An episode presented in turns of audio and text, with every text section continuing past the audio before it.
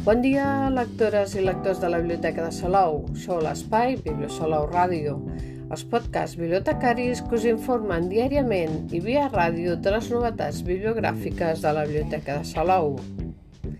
I acaba el setembre i acaba amb novetats.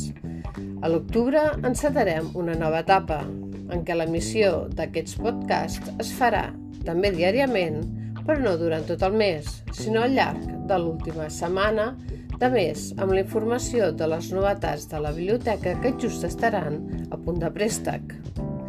Els podcasts dels dimarts seguirà sent el de la narrativa en català i avui, 27 de setembre, l'últim podcast de narrativa en català d'aquest setembre, us presentem una de les novel·les que trobareu en les novetats d'octubre, el primer dilluns de mes. La novel·la Sota la mar salada, de Sergi Caparrós, publicada al juny d'aquest any per l'editorial Rosa dels Vents, del grup Penguin Random House, sèrie narrativa. A la ressenya de la contraportada hi podeu llegir sota l'ambient d'eufòria de la Barcelona cosmopolita del 1929, quan l'estiu esclata rebent per Sant Joan, un misteriós papir irromp a la vida monòtona d'en Ramon i de l'Andreu i ho capgira tot. Pare i fill desconeixen el valor de l'objecte, però els queda clar que és únic, quan hauran de fugir de traficants d'antiguitats i de policies corruptes per protegir una antigalla que revela clau per resoldre molts misteris. Per començar, l'estranya mort dels pares d'en Ramon. Afegeix la descripció del llibre al web de l'editorial. Què en sabem del llibre? Doncs a la pròpia contraportada hi podem seguir llegint que Sota la mar salada és un thriller amb un patró clàssic de misteri i suspens, amb pinzellades de novel·la històrica que arrossega el lector cap a una trama dinàmica i excitant en què els esdeveniments es van succeint sense aturador i els protagonistes queden atrapats en una espiral frenètica de violència i de persecucions. Demà de l'autor coneixerem com era el barri de Sants fa cent anys i ens cabussarem en una història familiar tèrbola de la mà del jove Andreu Molina, marcada per l'amor, la traïció i la venjança, que està relacionada amb el tètric submón del tràfic d'antiguitats. La novel·la està basada principalment en l'estiu del 1929, l'any de l'Exposició Internacional de Barcelona, al barri de Sants, en l'època prerepublicana i d'aquí es va sortint a diferents zones de Catalunya com altres barris de la ciutat, com la Barceloneta, el Poble Sec o fins i tot fins al Cap de Creus, a l'Empordà, on comença la novel·la, en un descobriment arqueològic sota les aigües de l'Empordà, tal com indica el títol.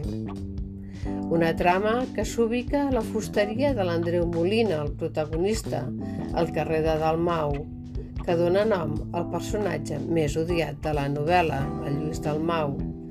Es tracta d'una història amb grans girs argumentals on ni tots els personatges són el que semblen, ni tots els accidents són fortuïts, explica l'autor. El llibre té 381 pàgines i 65 capítols numerats i curts, alguns molt curts, amb la ubicació geogràfica i temporal en el seu començament, així que va canviant la història de localització.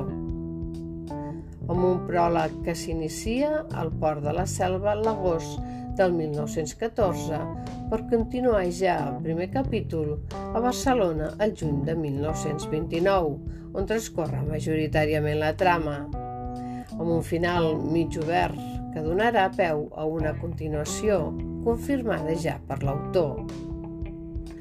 L'autor també explica que han passat 16 anys des de la idea inicial d'escriure aquest llibre, dels quals n'ha passat els últims 7 enfocat en el thriller, dos d'ells pensant quina forma agafaria el llibre i els altres cinc de documentació històrica i de redacció. Una documentació tan fidel i una localització tan concreta ha propiciat que se'n pugui crear una ruta literària com la del passat 10 de setembre, en la qual l'autor va recórrer el barri de Sants i Poble Sec per descobrir-hi indústries, masies, camps, hortes, rieres i moltes curiositats d'aquella vila que l'any 1897 s'anaccionà a Barcelona. I per què hem de llegir la novel·la? Així respon l'autor. Què llegir la novel·la? Doncs penso que és una novel·la doncs, que més enllà de tenir un ritme dinàmic doncs, eh, és força trepidant. No? Eh, he pretenc, doncs, he pretès amb aquesta novel·la doncs, generar un clima d'expectació ansiosa eh, durant tota, tota la trama i, i bé, és una novel·la que em consta que enganxa, si la vaig plantejar jo i sembla que està, està sent així i, i bé, eh, compta també amb, amb uns personatges doncs, capaços de despertar, penso, un ampli ventall d'emocions i, i bé, jo possiblement destacaria sobretot que tots els personatges no són el que semblen ni tots els accidents són fortuïts.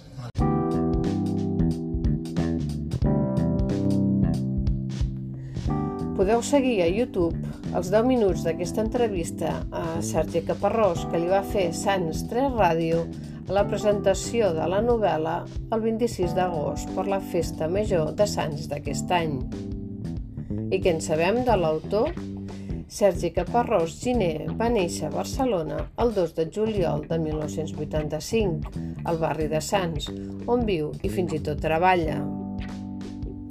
De formació és mestre d'educació especial, però també músic, integrant de la banda de rumba catalana La Màlaga. Ara també escriptor, ja ha començat a treballar en una segona novel·la que espera poder publicar aviat. Des de fa anys, compagina la seva tasca professional amb l'escriptura.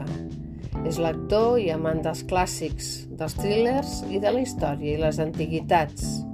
En acabar la universitat va estar un temps vivint a Dublín, on va començar tot. Diu l'autor que va ser el plogí matern del nord i la melanconia d'estar lluny dels seus el que convidava a aferrar-se als llibres. Un vespre, mentre llegia davant l'estufa amarada d'aromes de Guinness, va néixer la idea primigènia d'aquesta novel·la, la seva primera novel·la. L'hem buscat a les xarxes i Sergi Caparrós té un compte de Facebook i Instagram arroba Sergi Caparrós Giner i també de Twitter arroba Sergi Caparrós G i de YouTube pel contingut musical a Sergi Caparrós. I fins aquí el podcast d'avui, però tenim més novetats de narrativa en català que anirem descobrint cada dimarts. Que tingueu molt bon dia i molt bones lectures que us acompanyin en el dia a dia.